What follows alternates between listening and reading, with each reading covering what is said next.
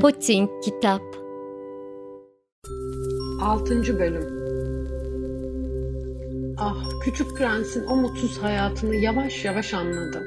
Uzun bir süre gün batımındaki tatlılıkla bulmuştum. Bu ayrıntıyı dördüncü gün öğrendim.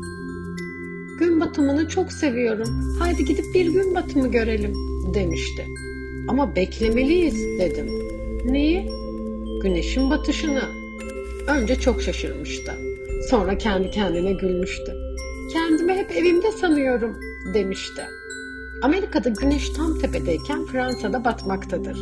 Fransa'ya bir dakikada uçabilirseniz yetişebilirsiniz. Ne yazık ki Fransa çok uzak bir ülke. Ama sen küçük gezegeninde iskemleni kımıldattığında güneşin batışını, alacakaranlığı görebilirsin. Günde tam 44 tane gün batımı gördüğüm olmuştur demişti.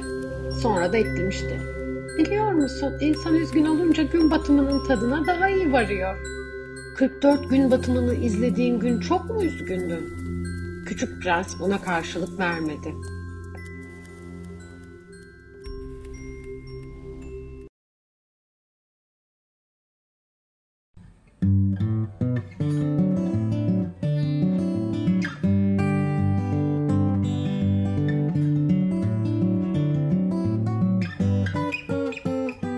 Putin Kitap